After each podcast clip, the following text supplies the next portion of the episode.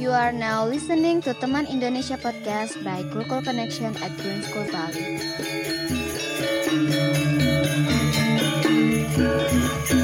Selamat datang. Welcome to Teman Indonesia Podcast with Ibu Adela and Ibu Jida.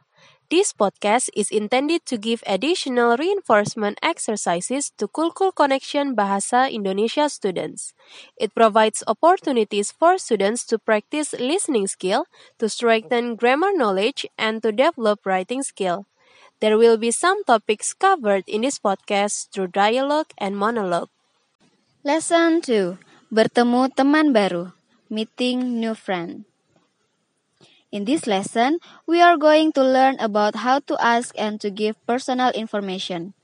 Please listen to the dialogue and pay attention to the way Jasmine asks her new friend's personal information, such as her name, her nationality, and her address. Ayo bertemu teman baru.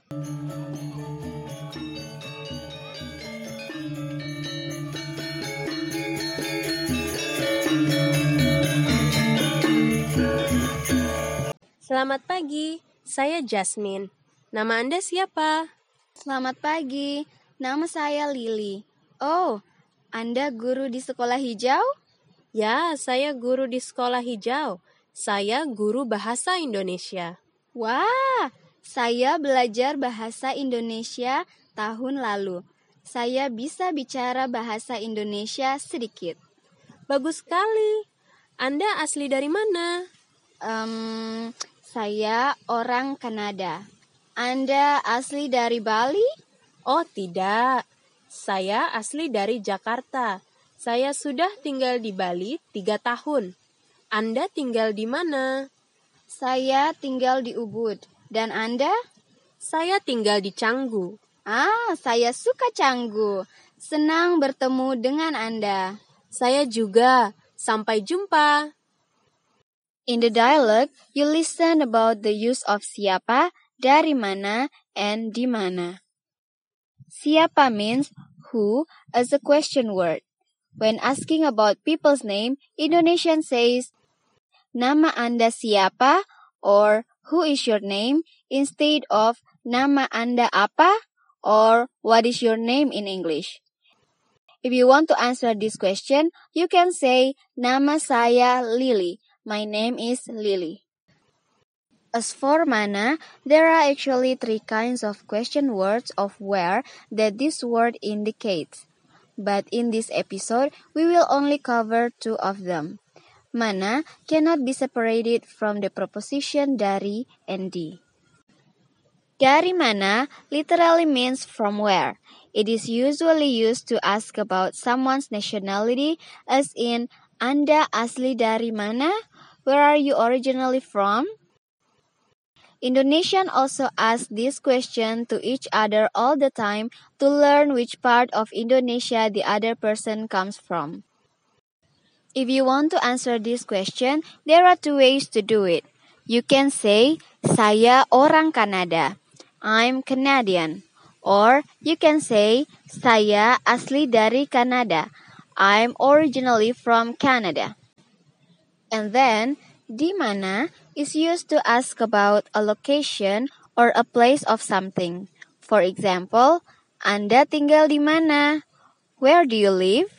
If you want to answer this question, you can say, Saya tinggal di Ubud. I live in Ubud.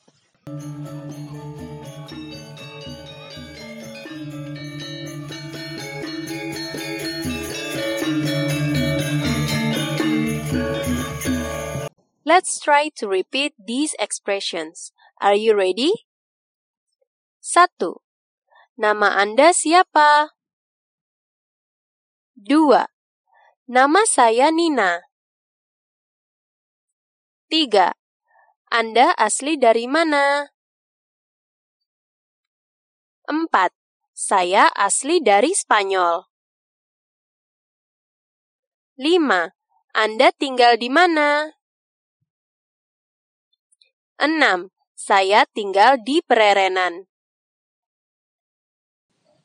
Oke, bagus.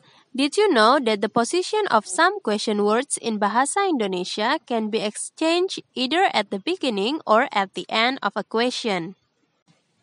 Question word siapa should be put where the answer is. Pay attention to the first example. Siapa makan nasi goreng? In this question, siapa is used at the beginning of the question. So, the answer will be Nita makan nasi goreng. Now, Pay attention to the second example. Anda bertemu siapa? In this question, siapa is used at the end of the question. So, the answer will be saya bertemu Emma. Question word dari mana and di mana can be positioned anywhere you want without worrying that you might change the meaning.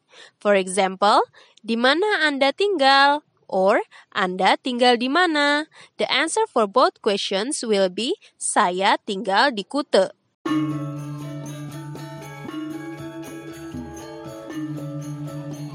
Terima kasih. Thank you for listening and studying with us. We hope you find this podcast helpful and you can gain some benefits from it. Don't forget to subscribe. Sampai jumpa.